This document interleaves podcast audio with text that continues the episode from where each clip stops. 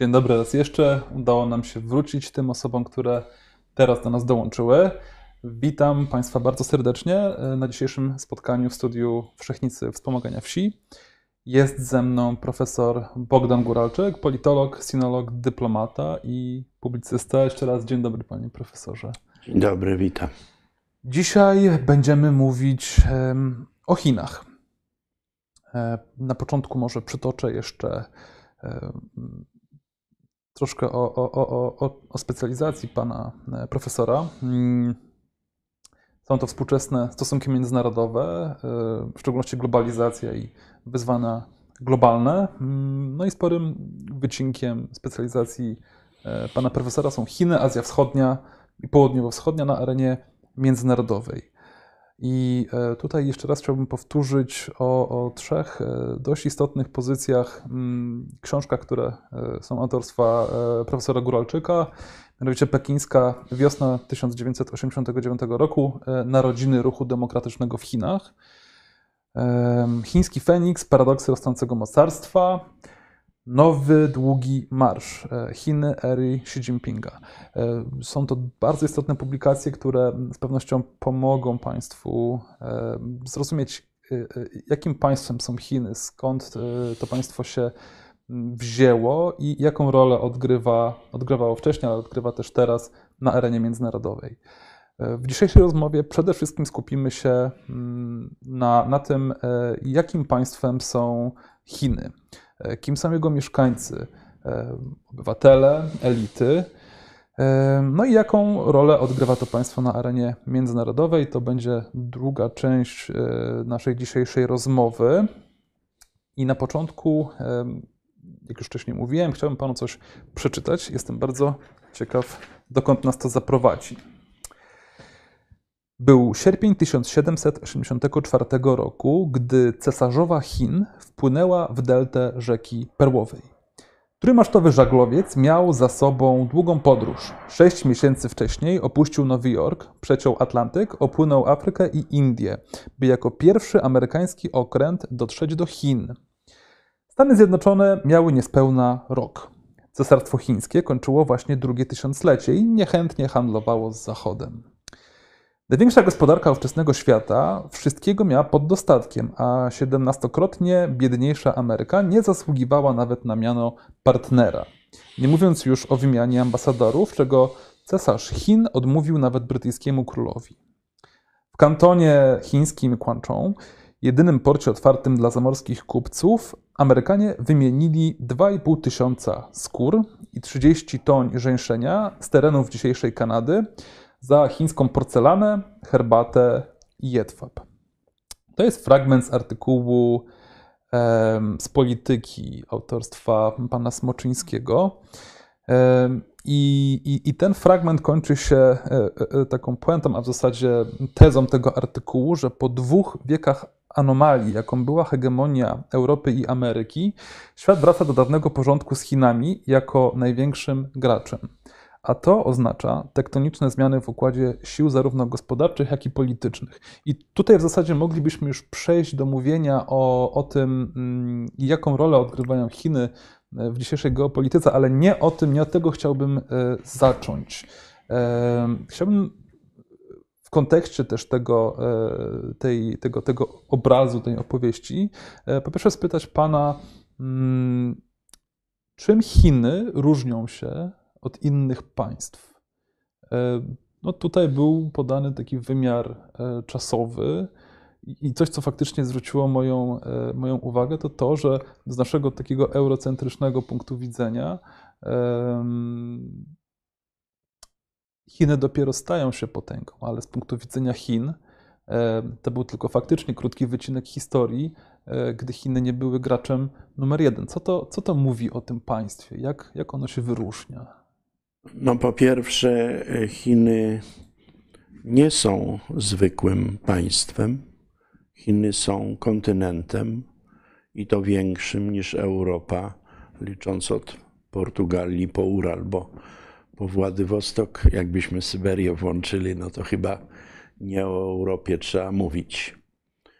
Po drugie, i jeszcze ważniejsze, Ja to po, pojęcie zapożyczyłem, to nie jest mój wynalazek. Chiny to jest cywilizacja ubrana w szaty państwa. I w tym kontekście to, czego doświadczyliśmy w minionych ponad czterech dekadach, począwszy od e, grudnia 1978 roku, to są narodziny czy odrodzenie tej cywilizacji. I w tym sensie mamy rzeczywiście zmiany tektoniczne.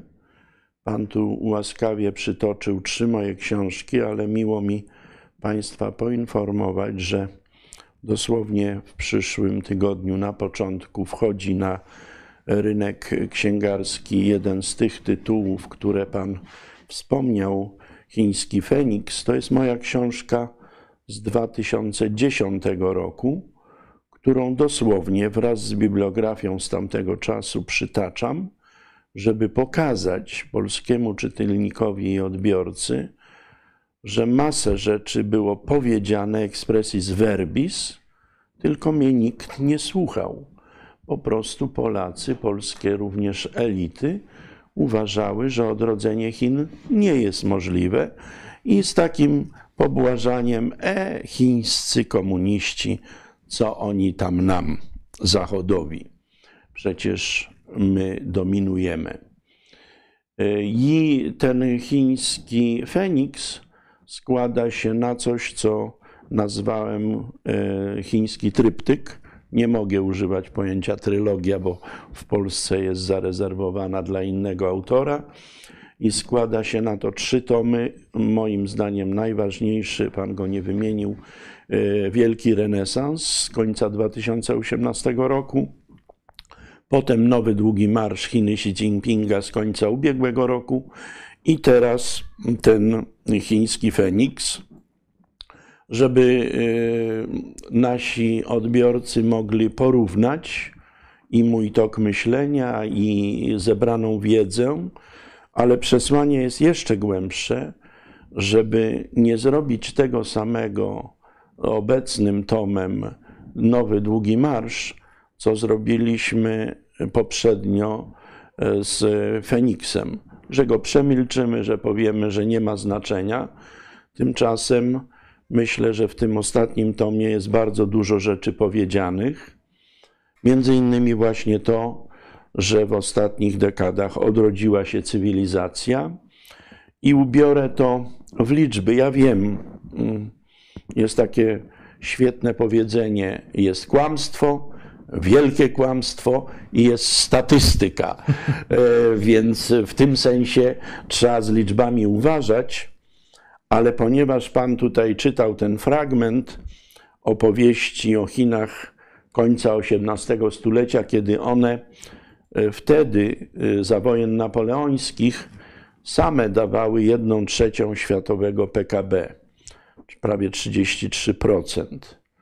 Natomiast później przyszli Brytyjczycy, były dwie wojny opiumowe, było powstanie Taipingów, powstanie bokserów, upadło cesarstwo, pojawiły się prywatne armie, soldateski, ciumfa, walczyły ze sobą, y, a później jeszcze, jakby tego wszystkiego było mało, to jeszcze y, przyszła agresja japońska, najpierw na Mandżukło, y, później na całe Chiny, i wreszcie wojna domowa, która zawsze jest najbardziej krwawa między Kuomintangiem a chińskimi komunistami, komunistyczną partią Chin.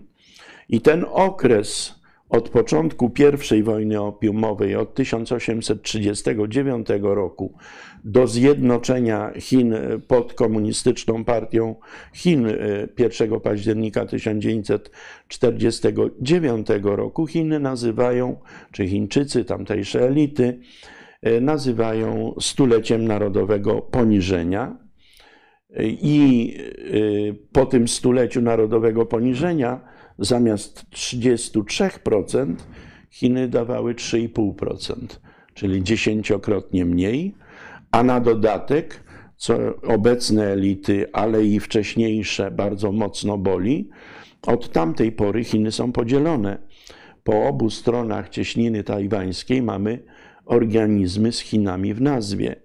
Po stronie lądowej, kontynentalnej. My Chińską Republikę Ludową, Chiny komunistyczne, czasami złośliwie mówiono, że już częściowo kapitalistyczne, a po drugiej stronie jest Republika Chińska na Tajwanie, czyli kontynuacja republiki, która istniała po rozpadzie cesarstwa pod Chiang Kai-shekiem do 1949 roku.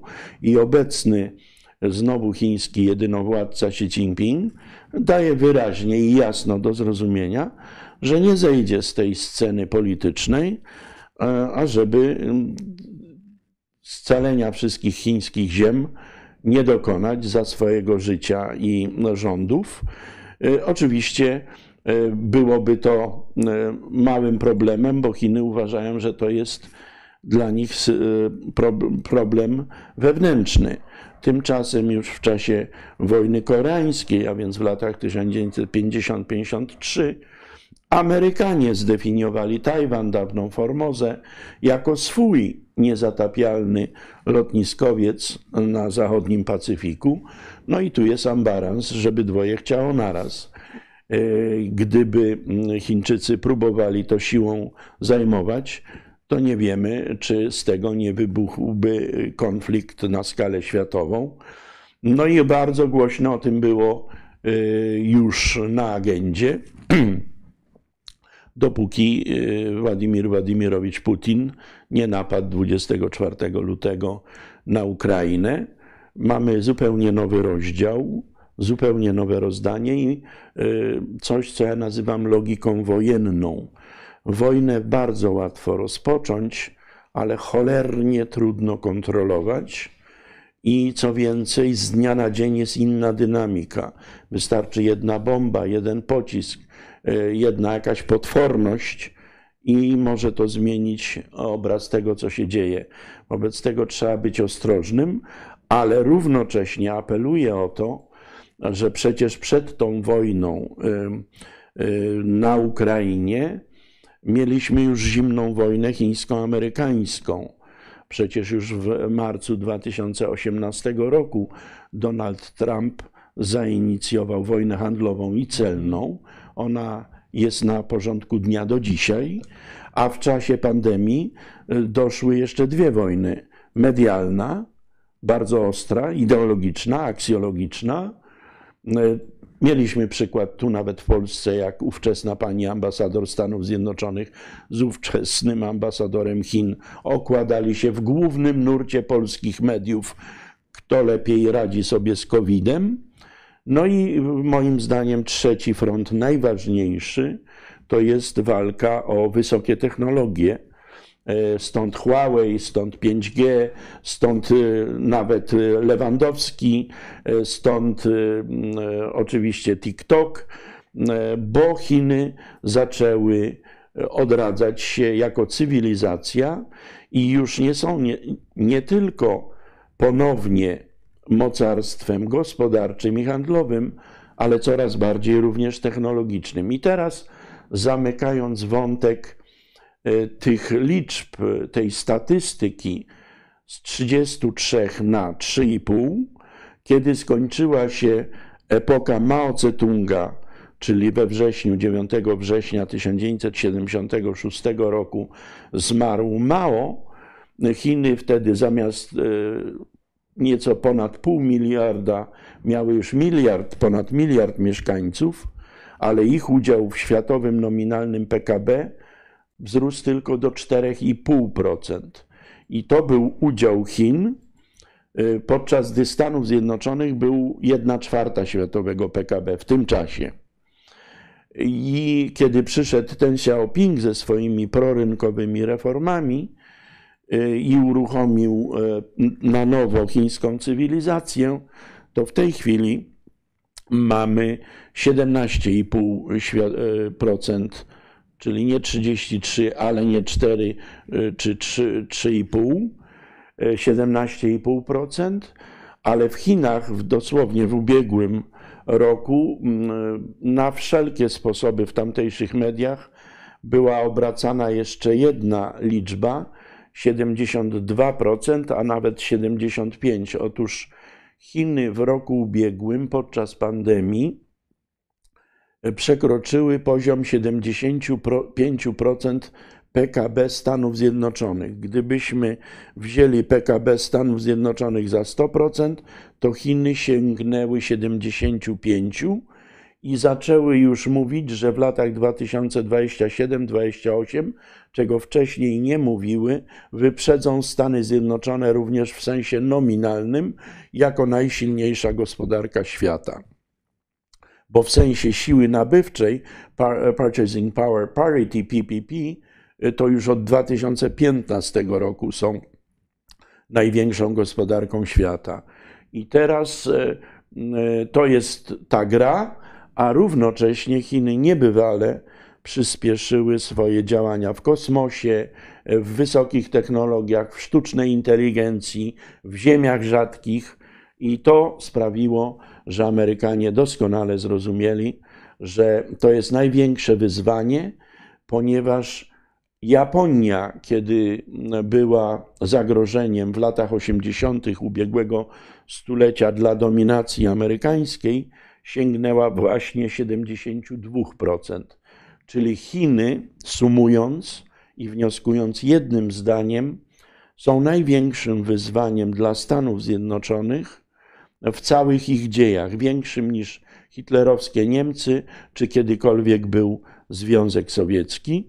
I po tym, co się dzieje na Ukrainie, to z całą mocą, jestem o tym absolutnie przekonany, do nas wróci. Mhm.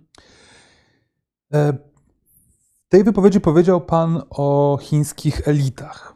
I gdy patrzymy na, e, e, na to właśnie, jak odradza się chińska cywilizacja, która wprowadza bardzo konkretne technologie na rynek i które absolutnie już nie są synonimem, jak w Polsce lat 90., że jeżeli coś jest made in China, to znaczy, że prawdopodobnie jest kiepskiej jakości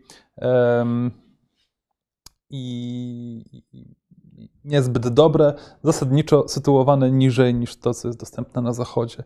Mówię to też w kontekście takiego wypowiedzi, w zasadzie poglądu, być może nie jestem do końca pewien, e, czy nie autorstwa e, Timothy'ego Snydera, że Chiny bardzo chętnie przyjęły zachodni kapitał i doprowadziły do zbliżenia ekonomicznego między, e, między właśnie światem zachodnim a, a, nimi, natomiast absolutnie nie chciały przyjmować tego e, takiego samego systemu wartości, którym się być może kierował Zachód, e, a na co Zachód bardzo liczył. Więc e, mówię o tym, ponieważ chciałbym dowiedzieć się, kim, jak wyglądają, kim są, jak wyglądają chińskie elity, jak myślą i, i w jaki sposób wygląda właśnie ten, to połączenie rynkowego myślenia i też globalnego myślenia e, z chińskim systemem wartości? E, po pierwsze, Chiny są samoistną cywilizacją sui generis, myślącą na dodatek pismem ideogramami, pismem obrazkowym. Sam dużo, parę tysięcy chińskich znaków znam, to wiem, jak to wpływa na myślenie. I chińska cywilizacja zawsze polegała na tym, że były bardzo wąskie, wysublimowane, znające tysiące znaków elity, niezmiernie wykształcone, mandarynów. I był chiński lud. Chińska cywilizacja zawsze była chłopska, czyli bardzo pragmatyczna, taka przyziemna. I to do niej zwrócił się ten Xiaoping na początku swoich reform do tego wrodzonego, wyrachowanego wręcz pragmatyzmu. To jest punkt pierwszy. Punkt drugi, jeśli chodzi o Chiny, i od tej pory zastrzegam, jak jeśli mówię Chiny, to myślę HRL, nie mówię o Tajwanie. Y, obecnie w Chinach elitą jest oczywiście Komunistyczna Partia Chin, to nie jest mało, bo to jest w tej chwili ponad 95 milionów członków na miliard 400 milionów mieszkańców. I jeśli coś się w Chinach dzieje, to to są decydenci, też hierarchicznie ustawieni. I trzecie, co wyróżnia chińską cywilizację i zawsze wyróżniało, że tam trzymano się koncepcji e, Konfucjusza, że nie ma dwóch słońc na ziemię i nie ma dwóch e, na niebie i dwóch cesarzy na ziemi. Czyli jest jeden cesarz i jest autokracja. E, w tym sensie Chiny nie przyjmowały i nie zrobiły tego nigdy do rozwiązań demokracji, czy tym bardziej demokracji liberalnej. Natomiast następny element, który jest kluczowy dla zrozumienia współczesności, jest taki, że nie tak dawno, bo 28 lutego tego roku było 50 lat od podpisania i opublikowania słynnego komunikatu szanghajskiego, e, który zwieńczył wizytę prezydenta Stanów Zjednoczonych Richarda Nixona e, w HRL wiadomo po co Nixon do Chin pojechał. E, mówiąc potocznym, takim e, trochę aż nieprofesorskim, na pewno niedyplomatycznym językiem, dokopać ruskiemu. Połączono, odwrócono sojusze i obie te siły połączyły się i wygrały. Związek Radziecki padł. Natomiast e, to zaangażowanie Amerykanów w Chinach i potem od rozpoczęcia reform Deng Xiaopinga świadome wysyłanie y, tysięcy i dziesiątek tysięcy chińskich studentów i doktorantów na najlepsze amerykańskie uczelnie było polityką zaangażowania, która spowodowała, że młode pokolenie w latach 80 zaczęło być prozachodnie. Tego dotyczy mój tom y, Pekińska wiosna, bo ja na placu Tiananmen wiosną 1989 roku byłem. I to opisałem. I wtedy ten Xiaoping przestraszył się, że do Chin powróci znowu Luan, że będzie zawierucha, niepokoje społeczne, że dojdzie do e, podziałów, rozłamów, tego nie chciał i brutalnie wkroczył. Natomiast postawiło to w bardzo trudnej sytuacji Amerykanów, którzy jednak uznali, że Chiny są zbyt intratnym rynkiem i partnerem, żeby reagować emocjonalnie. Tam był jeszcze jeden czynnik personalny po wizycie mm, Nixona jeszcze nie nawiązano stosunków dyplomatycznych, zbyt odległe były od siebie te państwa i cywilizacje, i utworzono misje łącznikowe. I szefem pierwszej misji łącznikowej w Pekinie był niejaki George H. Bush, starszy Bush, który w czasie Tiananmen był prezydentem i jako prezydent mający sentyment i dobre wspomnienia z Chin, bo Chińczycy robili wszystko, żeby się czuł w ich kraju jak najlepiej, wysłał swojego doradcę do spraw bezpieczeństwa Benta Scowcrofta i za, z zapewnieniem, że nie będziemy kołysali dalej już y, chyboczącą się chińską łodzią. Te stenogramy tych tajnych rozmów niedawno Amerykanie upublicznili są dostępne w internecie, czytałem je, więc wiem, jak to przebiegało.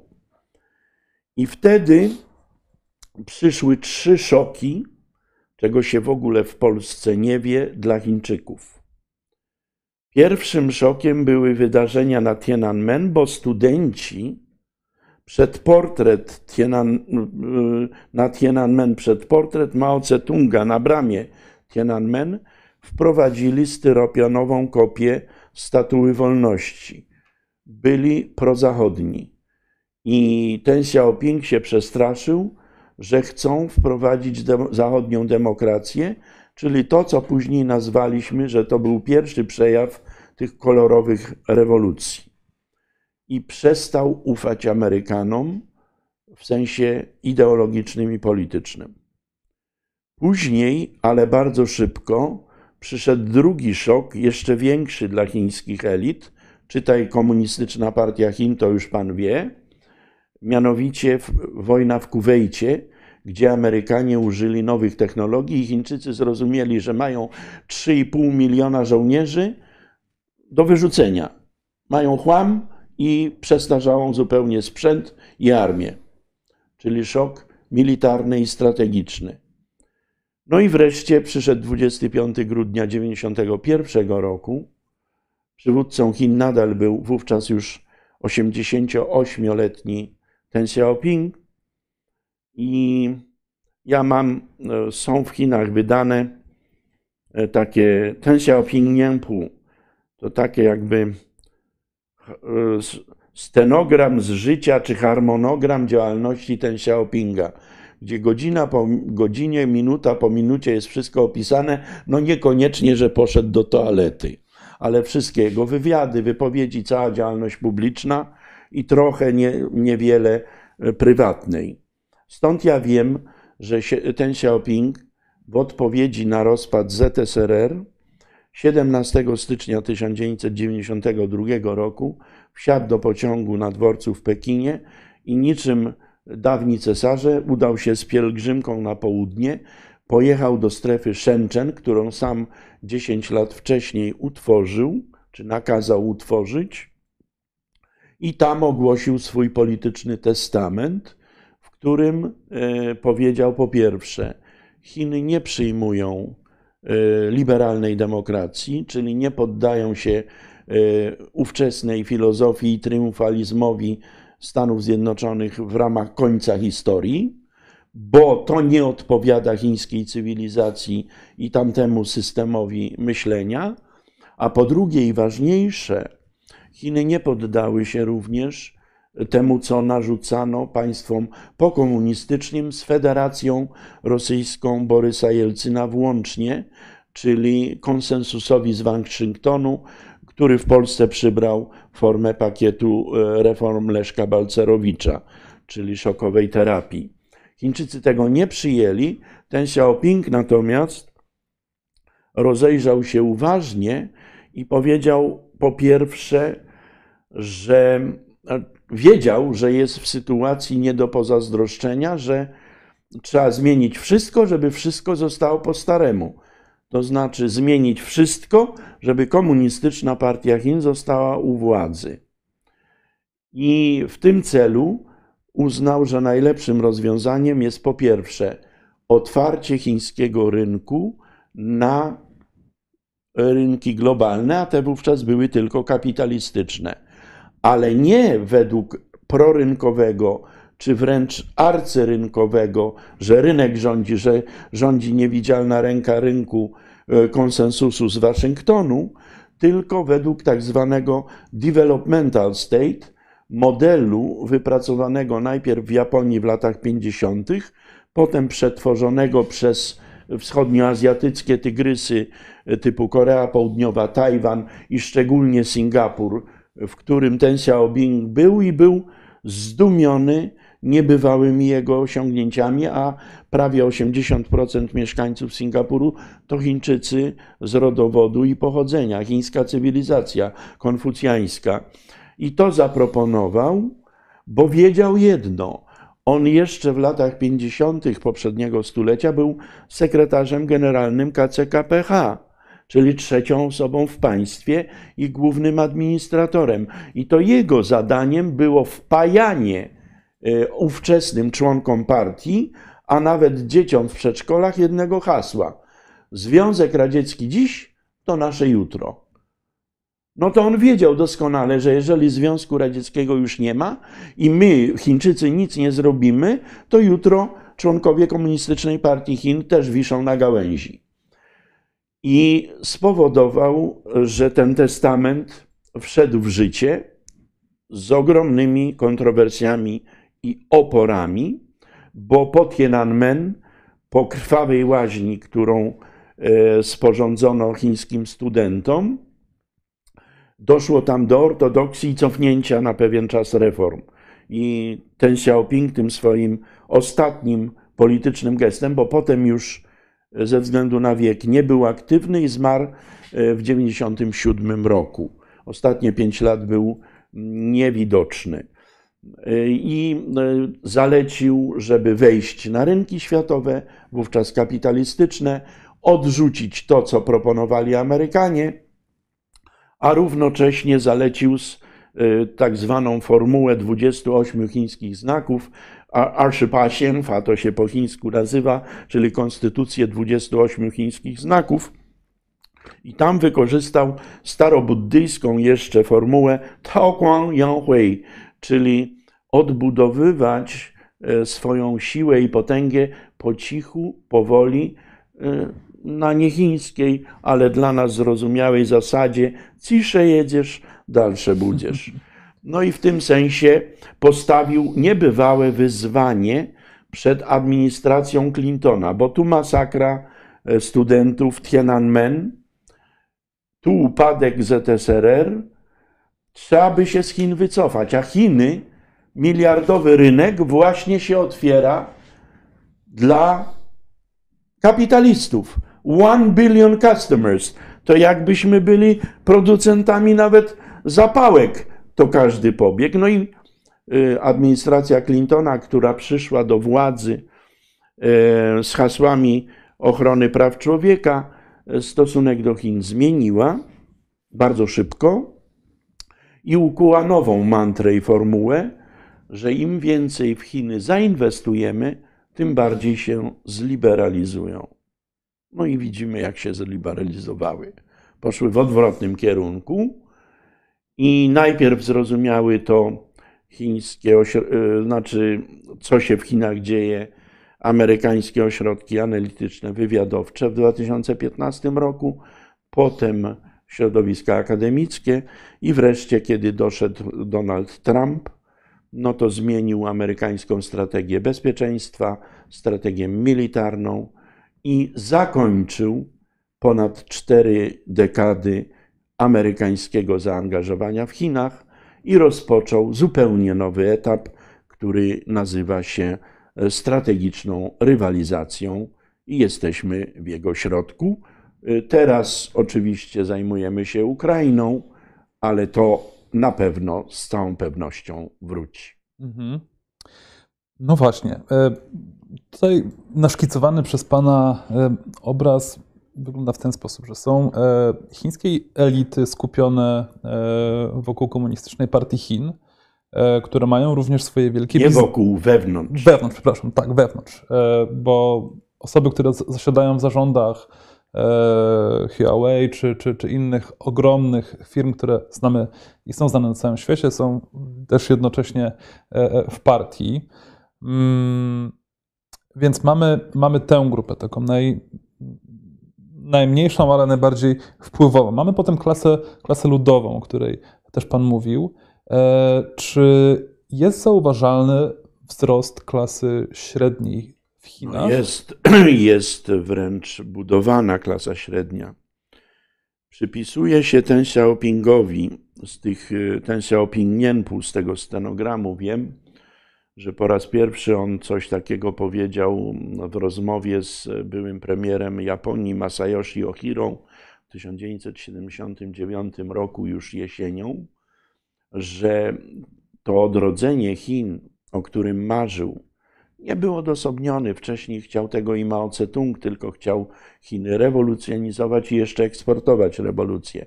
A wcześniej marzył o tym Chiang Kai-shek, a wcześniej o tym marzył twórca Chin republikańskich Sun Yat-sen. Reklamówka krótka. Jestem jedynym w Polsce biografem Sun Yat-sena, który jest bohaterem i w HRL, i na Tajwanie. Mauzoleum Sun Yat-sena jest w Tajpej. I kiedy ten Xiaoping zaczął marzyć o odrodzeniu Chin, to powiedział, że to będzie następowało w trzech etapach, mniej więcej po trzy dekady. Pierwszy, czyli 1978-2008, do kryzysu światowego, to będzie odbudowa chińskiego państwa, państwowości, siły państwa bez względu na koszty ekologiczne, społeczne, moralne, polityka jednego dziecka, mhm. masę innych rzeczy. odbudować siłę państwa.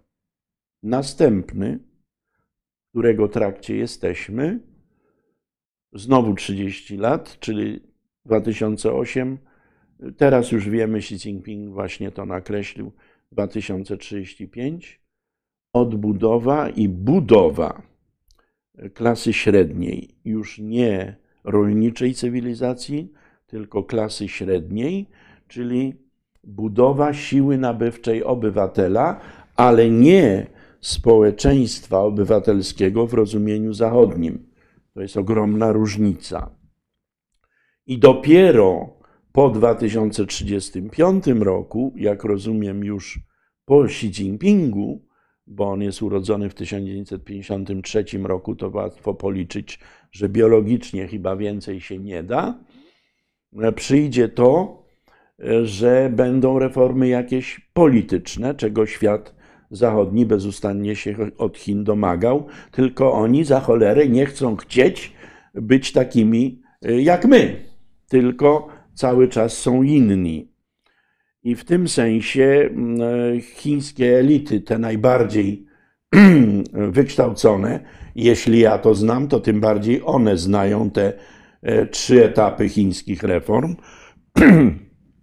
I zobaczymy, jakie będą realizowały ale na razie e, budują klasę średnią i co więcej, e, Xi Jinping, jak doszedł do władzy w, dwa, w listopadzie 2012 roku, to rzucił hasło Chungguomeng, tłumacząc na angielski Chinese Dream, mhm. czyli był American Dream w XX stuleciu, a w XXI będzie chiński sen, chińskie marzenie ale dwa lata mu zajęło, zanim wypełnił je treścią.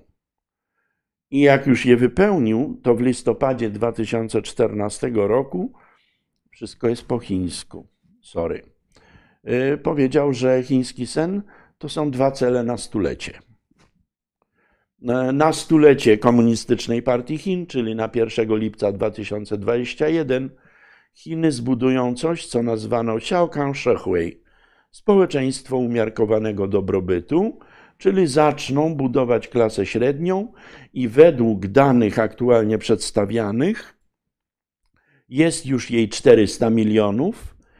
Y, chcę podkreślić, że y, liczba mieszkańców Unii Europejskiej po Brexicie to jest 450 milionów, a do końca obecnej 14 pięciolatki ma być to 600 milionów. Czyli ta budowa trwa i równocześnie, co zostało wyeksponowane z bramy Tiananmen, z tego samego miejsca, gdzie Mao Tse-tung proklamował 1 października 1949 roku HRL, Xi Jinping, ubrany jak Mao, z tego samego miejsca i używając tych samych fraz, na przykład Chungguo Changqilai, Chiny wstały z kolan, zapowiedział, że musi być zjednoczenie z Tajwanem.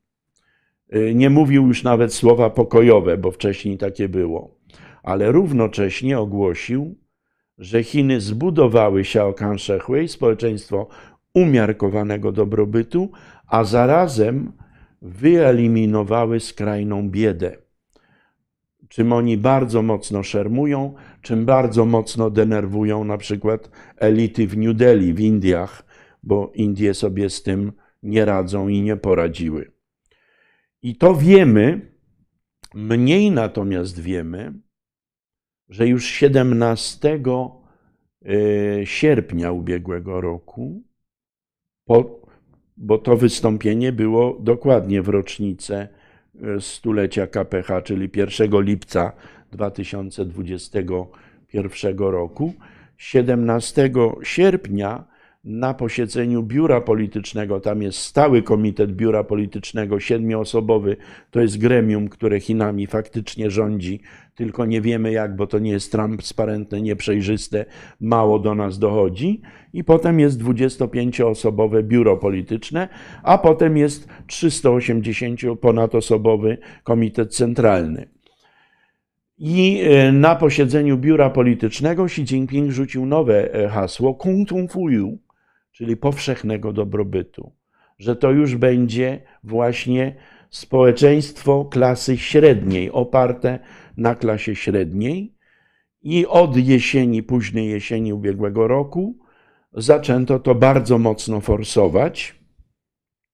I jak rozumiem, że to jest najważniejsze w tej chwili, oprócz przechodzenia na e, innowacyjne społeczeństwo, czyli na nowoczesne technologie, że to jest największe w tej chwili wyzwanie wewnętrzne na tamtejszej scenie, e, bo równocześnie uderza się w kominy dochodowe, w rozwarstwienie, które i w Chinach zbyt daleko zaszło.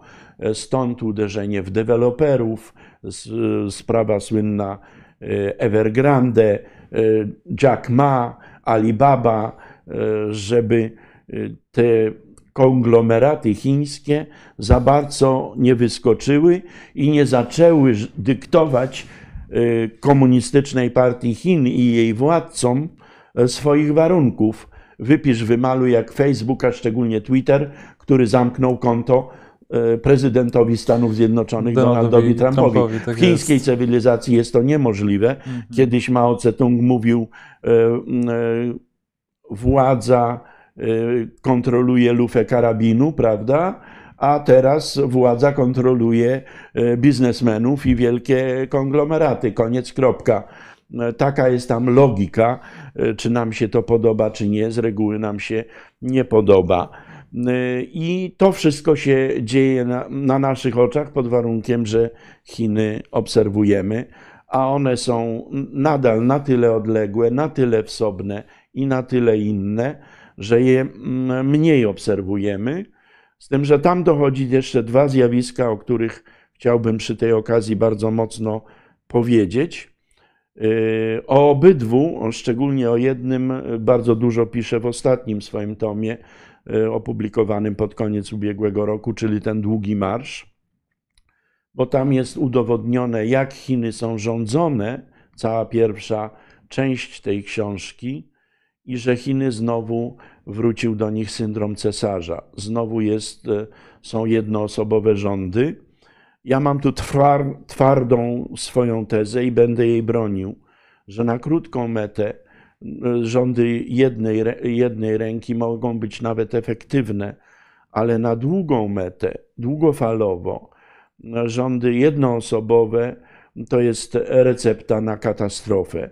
Tak mówi e, chińska historia. Ostatnim takim przypadkiem e, takiego nieszczęścia był Mao Tse-tung, bo i wielki skok zaordynował, i potem jeszcze większe nieszczęście, rewolucję kulturalną.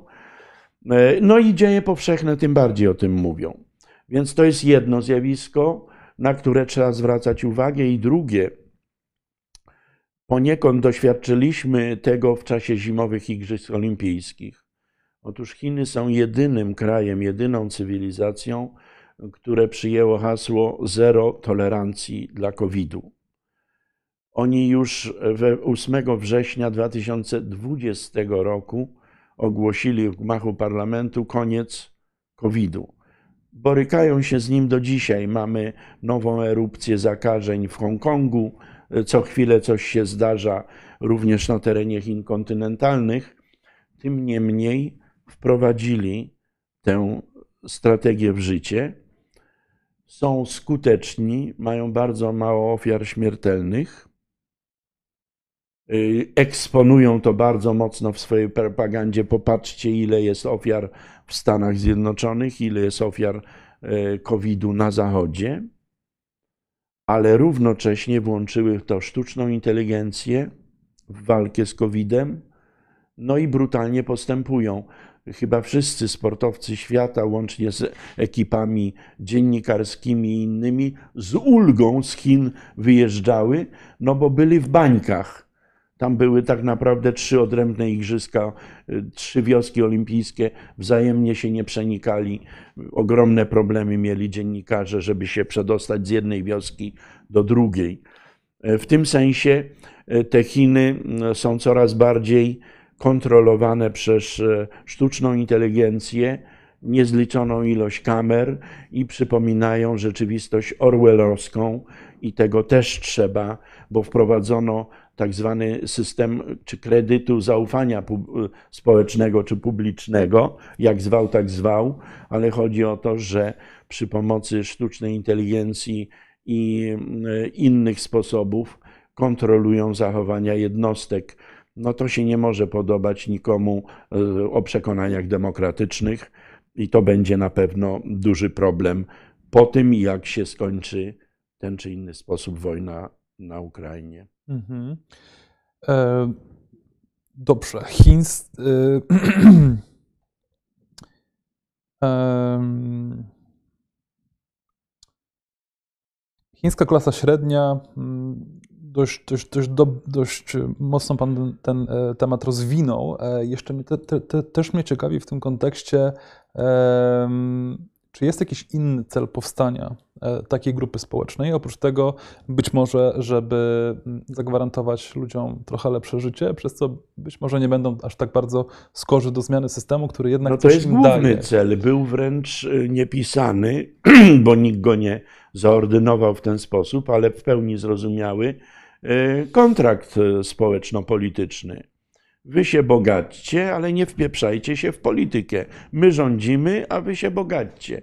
I teraz jest problem, że w ramach tej budowy e, już powszechnego dobrobytu Xi Jinping e, zaprzeczył tej zasadzie e, bogacić się ponad wszystko i zaczął jakby temperować zbyt nadmierne, rozbuchane dochody, co niektórzy mówią, no, no, to pachnie maoizmem, powrotem do urawniłowki i powrotem do egalitaryzmu z epoki y, Mao Tse-tunga. Y, być może, że tak nie jest. Y, być może, że będzie próba zbudowania Chin na wzór społeczeństw skandynawskich, socjaldemokratycznych, bo ja wiem, że do wojny, to jest naprawdę wielka cezura do wojny na Ukrainie, wszczętej przez i agresji rosyjskiej przez Putina, y, chińskie delegacje bezustannie jeździły do państw skandynawskich, żeby badać tamtejsze rozwiązania, czy to w szkolnictwie na terenie Finlandii, czy to y, w programach socjalnych na terenie Szwecji czy Norwegii. To wszystko jest w toku i, zobaczymy, czym się e, zakończy. Na razie nie jesteśmy w stanie tego przesądzać. Niewątpliwie tylko Chiny idą własną drogą, e, wykorzystując, zapożyczając pewne rozwiązania zachodnie, ale dostosowując je do własnych warunków i własnego sposobu myślenia. Okej, okay, teraz może zwrócę się troszkę w kierunku naszych słuchaczy i widzów. Jest tutaj pytanie od, od, pana Piotra. Jak Chinom udało się osiągnąć taki postęp technologiczny i postęp w dziedzinie badania i rozwój? Skąd wzięli know-how? Jak stworzyli całą warstwę naukowców? I tutaj też jeszcze inne pytanie. E, Moment, bo to, to jest tak duże, że, że, że wystarczy. Tak, tak, tak. Tylko właśnie to też chciałem tak umieścić w pewnym kontekście, bo e, mówiliśmy na początku, że e, e, przez setki lat Chiny generowały nawet 1 trzecią procent światowego PKB. Później ta wartość dramatycznie spadła. Teraz, jak rozumiem, Chiny wracają na ścieżkę. Już mówiliśmy o tym. Tak. Już wróciły. Na tym polega główne przesłanie, mhm. że Chiny już wróciły jeszcze nie zbudowały, bo nie dodałem w poprzedniej sekwencji, że był przecież jeszcze drugi cel na stulecie, na stulecie HRL, czyli 1 października 2049 roku, kiedy to Chiny mają być na nowo y, kwitnącą cywilizacją. No tak. Tylko nie dopowiedziano, czy znowu krajem, y, państwem środka, a wokół niego tylko trybutariusze, wasale i dalej barbarzyńcy, czy jedną z kilku cywilizacji. To nie jest wprost powiedziane. Czyli Chiny to odbudowują świadomie i to jest ich kolejny cel, a pośredni to jest wspomniane 2035 rok, gdzie ma być państwo oparte na klasie średniej i państwo innowacyjne, a więc już nie tylko potęga gospodarcza i handlowa, którą Chiny już są, tylko potęga technologiczna. Mhm. I odpowiadając na to pytanie, Chiny po pierwsze zastosowały kreatywnie starą formułę znaną w Stanach Zjednoczonych. Pierwszy milion dolarów trzeba ukraść, a potem być już uczciwym biznesmenem. Chiny wiele rzeczy ukradły, przemyciły, przechwyciły, przeflancowały, przejęły. E, to nie ma żadnych wątpliwości. Co więcej, bardzo mądrze, dalekowzrocznie, już od początków 1979 roku, realizując dalekosiężną strategię Deng Xiaopinga, wysyłały punktowo swoich studentów, najzdolniejszych ludzi, na najlepsze amerykańskie i światowe uczelnie. I efekt jest taki, że dzisiaj jakikolwiek y, magazyn czy czasopismo punktowane wysoko w jakiejkolwiek dziedzinie, szczególnie w naukach ścisłych, biologicznych, fizycznych, chemicznych, y, to tam są Chińczycy. Oni mają pełne rozeznanie, gdzie jest Zachód i co robi w danej dziedzinie, a nie ma vice versa. My takiej e, przejrzystości nie mamy i mają dwie przewagi e, komparatywne. Nie tylko ten duży zasób ludzi wykształconych, w Chinach bardzo rzadka jest apostazja, od, oderwanie się od chińskich korzeni, od chińskiej cywilizacji. To jest piękna formuła, że Amerykaninem może być każdy. Przecież i Zbigniew Brzeziński, Polak z pochodzenia, wyszedł na najwyższe stanowiska w Stanach Zjednoczonych i Henry Kissinger, który jako kilkunastoletni chłopiec uciec, uciekł z Niemiec i, z, i stał się sekretarzem stanu. E, czyli Amerykaninem może być każdy, a Chińczyk zawsze będzie Chińczykiem. Taka jest ogromna, ogromna różnica. Ja mogę mówić perfekt po chińsku, ale zawsze będę biały, tapidzy, dużo, długonosy i będę nie swój. Mogę być e, e, Xiao Didi, mały, mały braciszek do przyklejenia do nich. To jest ogromna różnica cywilizacyjna i te no, wspomniane e, komparatywne jakby przewagi. Jedna nazywa się Ziemie rzadkie, rare earth, Chiny do niedawna miały absolutny prymat, prawie 90% w wydobyciu i produkcji. To jest 18 pierwiastków, dzięki którym y, niemożliwy, bez nich niemożliwy jest postęp naukowo-techniczny.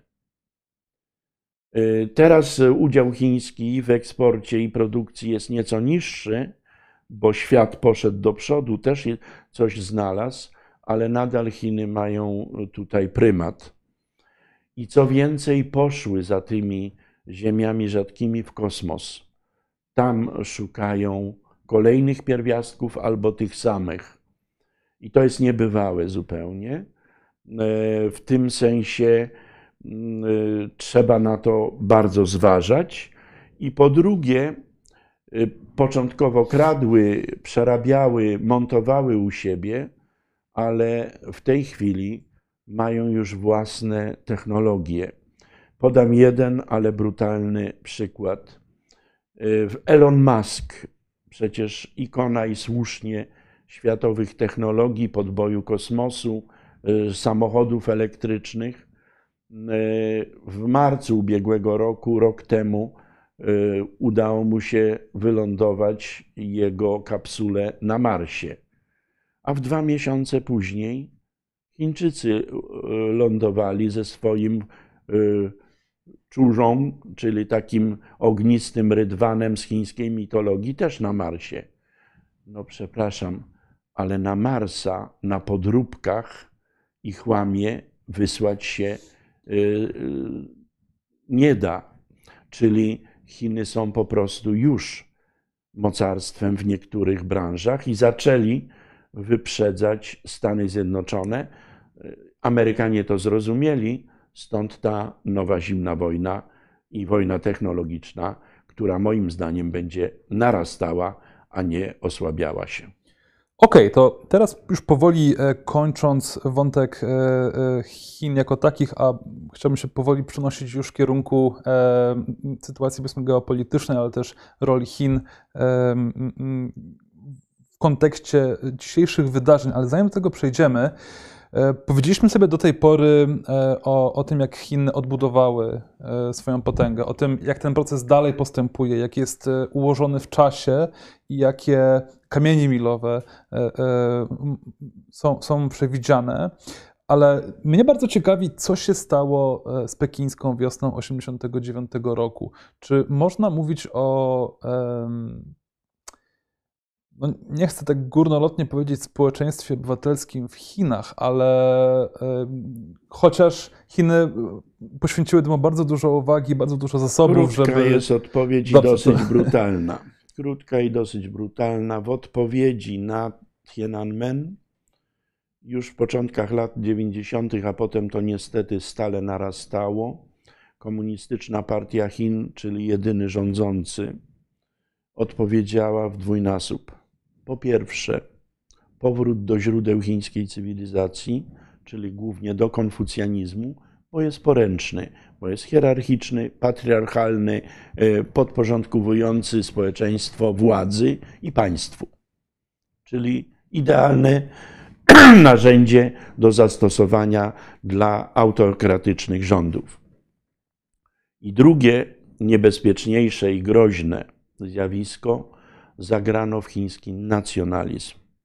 Że my, Chińczycy, odradzamy się, że wreszcie pokażemy y, Zachodowi, a, Zachód to dla nich głównie Amerykanie, ich miejsce w szeregu.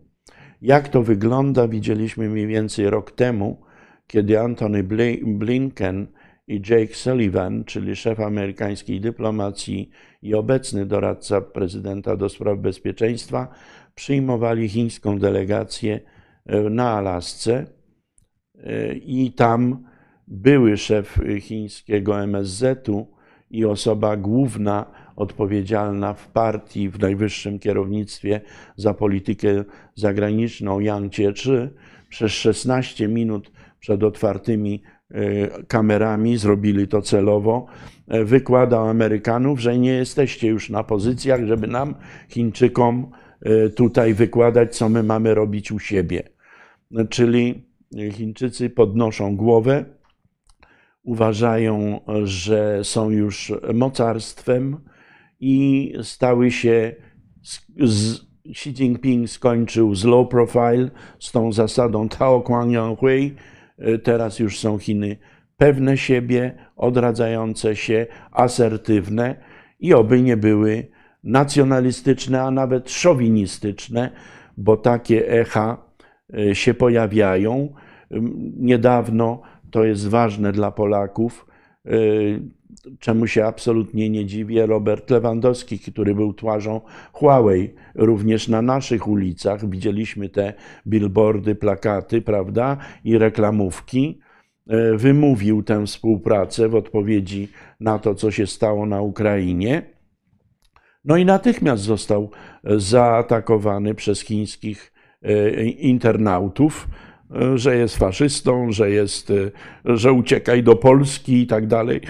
Nie chcę tutaj rozwijać i robić im reklamy, ale to pokazuje, że głównie w chińskim młodym pokoleniu rozbudzono, rozbuchano element nacjonalistyczny. To jest bardzo groźne, niebezpieczne z, punk- z naszego punktu widzenia i powinniśmy o tym wiedzieć i się temu przyglądać. Mhm.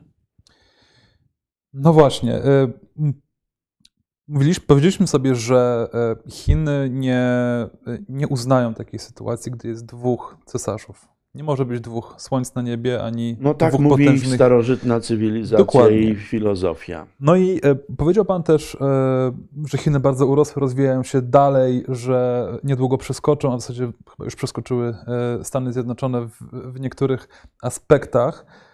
Czy to oznacza, że, mm, czy na przykład, że Chiny chcą e, absolutnie wyrugować e, Stany Zjednoczone e, z dyskusji o tym, jak Nie. ma wyglądać świat, czy po prostu Nie, nie zwasalizować? sądzę. Nie sądzę. Tutaj jest nowy element, który znowu nam przykryła wojna na Ukrainie. Y, ale warto to przypominać i wskazywać. Mianowicie głównym gościem podczas uroczystości rozpoczęcia zimowych igrzysk w Pekinie 4 lutego był Władimir Władimirowicz Putin. I na zakończenie spotkania Xi Jinping-Putin wydano wspólny komunikat. On jest cholernie ważny i będzie ważny, dlatego że obie strony w zasadzie zarysowały nowy ład światowy. Y, ja pamiętam, że mniej więcej na pięć dni przed rosyjską agresją Jake Sullivan, czyli obecny doradca do spraw bezpieczeństwa e, no, Stanów Zjednoczonych, wystąpił i po raz pierwszy publicznie powiedział, że będzie Rosjanie, Putin podjął decyzję o agresji. I wtedy przeprowadził taki wywód, że Zachód powinien się jednoczyć, ponieważ Zachód, rozumiany jako USA, Kanada, y, Zachodnia Europa, Wielka Brytania, może Australia i Oceania, to jest 50% światowego PKB. Podczas gdy Chiny i Rosja, tu trochę nie doszacował, głównie Chin, dają 20%. Czyli, że my, jeśli będziemy zjednoczeni, mamy szansę, i to była dla mnie oczywista, ale dla przeciętnego zjadacza chleba absolutnie nieczytelna odpowiedź na ten komunikat z 4 lutego, że Rosjanie z Chińczykami nie są jeszcze na pozycjach, żeby być autentycznym wielkim rywalem. Mogą nam narobić kłopotu, ale nie są jeszcze równorzędni. Później e, Putin naputał wszystkim, to chyba dobre powiedzenie, Putin naputał wszystkim kłopotów, Chińczykom również, zaskoczył ich skalą, formą i trybem agresji. Tego się nie spodziewano, że tyle będzie ofiar. Yy, natomiast y, Amerykanie y, trzymają się jednego, że y, zaczęli dorabiać Chińczykom nie tylko e, fizjonomię, mówiąc po gombrowiczowsku, gębę nowego Frankensteina, ale też przyjaciela Putina. A to już jest przy obecnym nastrojach światowych, przy obecnych nastrojach mediów, to to jest zaproszenie do naplucia mi w twarz. To jest możliwość stygmatyzacji, jak po placu Tiananmen. I chińskie władze, obserwujemy to, ja to widzę jak na dłoni, znowu wycofują się na pozycję neutralnego mhm. obserwatora, włażą na górę, obserwując tygrysy i nie angażują się, z tym, że to jest inaczej rozłożone w chińskich mediach chińskojęzycznych, skierowanych do wewnątrz, nadal jest prorosyjskość, o Ukrainie nie ma i nie ma wojny. Natomiast w mediach y, obcojęzycznych, głównie anglojęzycznych, to już są korespondenci chińskiej telewizji na granicy polsko-ukraińskiej i reprezentują i rozpoczyna się to od relacji tego, co się dzieje na Ukrainie. Mhm. A w Wang Yi dzień przed naszą rozmową po raz pierwszy użył pojęcia wojna, a nie interwencja e, czy akcja zbrojna, bo różnych synonimów no używano. Operacja militarna specjalna, tak, czyli tak. Ten, ten język. Czyli ten język się zmienia i ja już hmm. widzę tutaj nową jakość. Przepraszam bardzo za to chrypienie. I chciałbym hmm. powiedzieć jeszcze jedną rzecz, bo ona jest kluczowa że moim zdaniem Chiny zaczynają też już mówić o tym, że e, przydałoby się jakieś e, mediacje. Mhm. Była inicjatywa Xi Jinpinga trzy dni przed naszą rozmową i rozmowa z Olafem Scholzem i Emmanuel Macronem i chiński przywódca e, zapraszał ich obu, żeby rozpoczęli mediowanie. To jest z jednej strony cel chiński, żeby odseparować zachodnią Europę od Stanów Zjednoczonych, żeby ona nie była razem, ale z drugiej rzeczywiście troska e, o to, żeby Ukraina nie przestała istnieć. Bo e, ja to znam z chińskich e, dziejów i dokumentów. Wystarczy zresztą przeczytać pamiętniki Henry Kissingera, jak Chińczycy go, gdy już negocjowano wyjście Amerykanów z Wietnamu, to Chińczycy namawiali go, żeby grać jednak na podział Wietnamu, a przecież Wietnam zjednoczyła komunistyczna no tak, partia tak. Wietnamu. Y, I to samo robią y, na Półwyspie Koreańskim. Lepiej dla nich utrzymać klan Kimów, a nie to, żeby była zjednoczona Korea. To dla nich lepiej żeby była Federacja Rosyjska i niezależna Ukraina, a nie ponownie nowa Rosja, zjednoczenie ziem ruskich pod Władimirem Putinem. Po cholerę im to.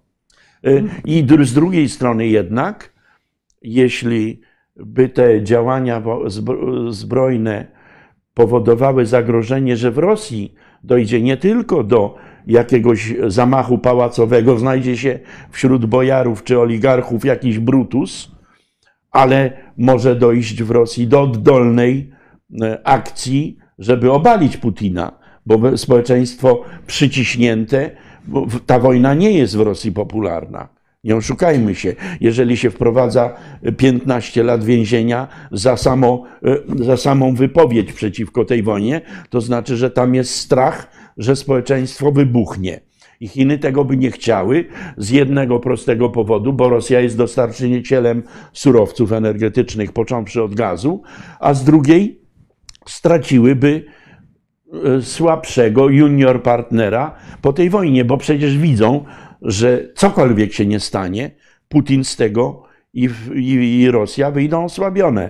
I w to w Chinom graj. No tak, Chiny mają bardzo pragmatyczne podejście i, i, i ten pragmatyzm, już, już, o tym Pan mówił e, w zasadzie przez całą naszą rozmowę. Tutaj jest e, też ciekawe pytanie od widza, to od Pana Piotra Rossa. Jaki wpływ ma wojna rosyjsko-ukraińska na realizację przez Chiny projektu nowego jedwabnego szlaku. No, zły ma wpływ, się wpisuje w naszą. Y, zły ma wpływ, dlatego że destabilizuje, całkowicie zdestabilizowała, widzimy, jest rujnowana na, na naszych oczach Ukraina. Tymczasem oni nie tylko przez Małaszewicze puścili ścieżkę lądowego jedwabnego szlaku, no ten powiedzmy, że idzie, bo Białoruś jaka jest, każdy widzi. Natomiast oni zaczęli budować na mm, pograniczu ukraińsko-węgierskim, w takiej miejscowości y, Fyjnie Szlitkę. Myślę, że nikt w Polsce nie słyszał poza mną, no ale takie East-West Gate, czyli odpowiednik Małaszewicz, no i wiadomo, że to trzeba mm, wyrzucić, bo to nie da się w świetle tego, co się stało, mm, tego prowadzić. Wcześniej mieliśmy pewne rozruchy i nie, y, niepewność na terenie Kazachstanu. Jeśli by jeszcze doszła do tego Rosja, no to chiński jedwabny szlak lądowy trzeba zwinąć i do annałów wyrzucić. To jest dla nich cel nadrzędny, żeby tak się nie stało. Jasne. E, to jeszcze troszkę wracając do, do, tego, o czym mówiliśmy chwilkę wcześniej, że Rosji zależy na tym, żeby mm, nie powstawały nowe mocarstwa, żeby Rosja była osłabiona, żeby. Ale nie za bardzo.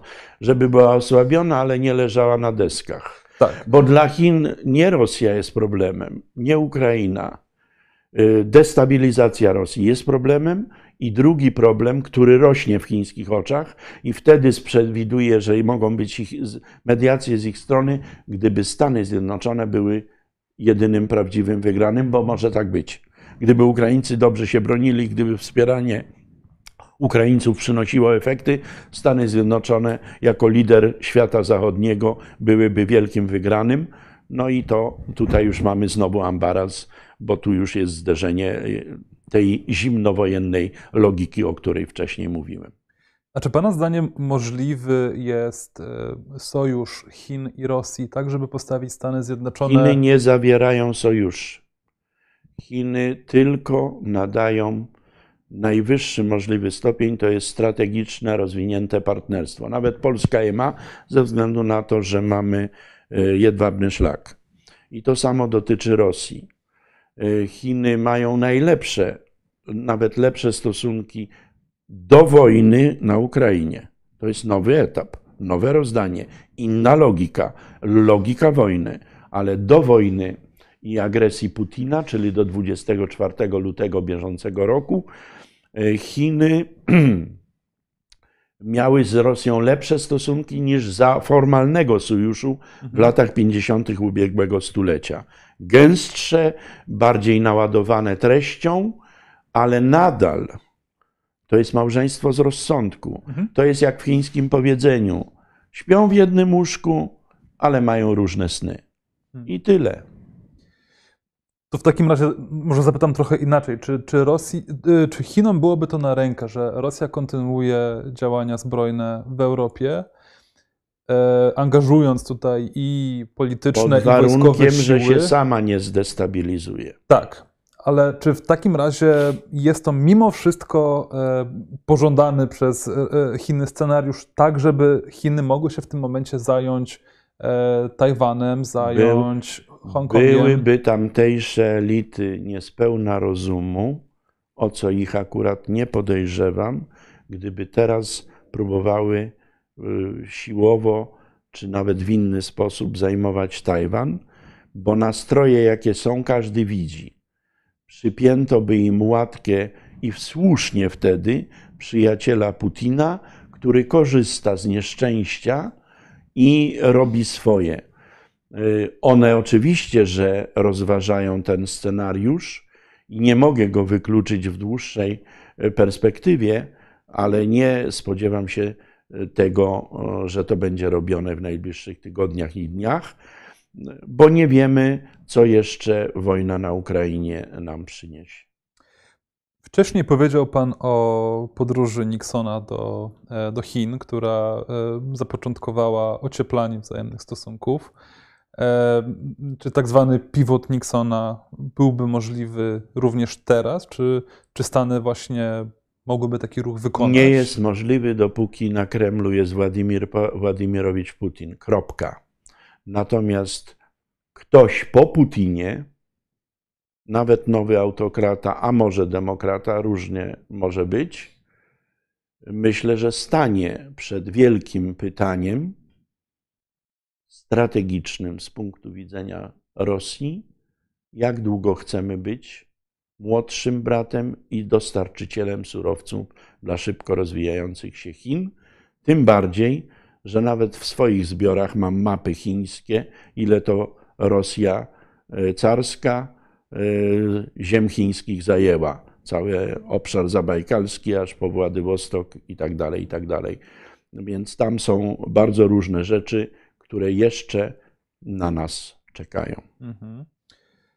To już w zasadzie jedno z ostatnich pytań, e, gdy, gdy Tak, bo zaczynaliśmy. widzów wyczerpiemy. E, no, chociaż to może dobrze. Zanim zadam ostatnie pytanie, zobaczmy, e, albo jedno z Niech pan ostatnich. zada przedostatnie. Dobrze, wtedy. to przed przedostatnim pytaniem zobaczymy jeszcze, o co pytają e, widzowie. Mm.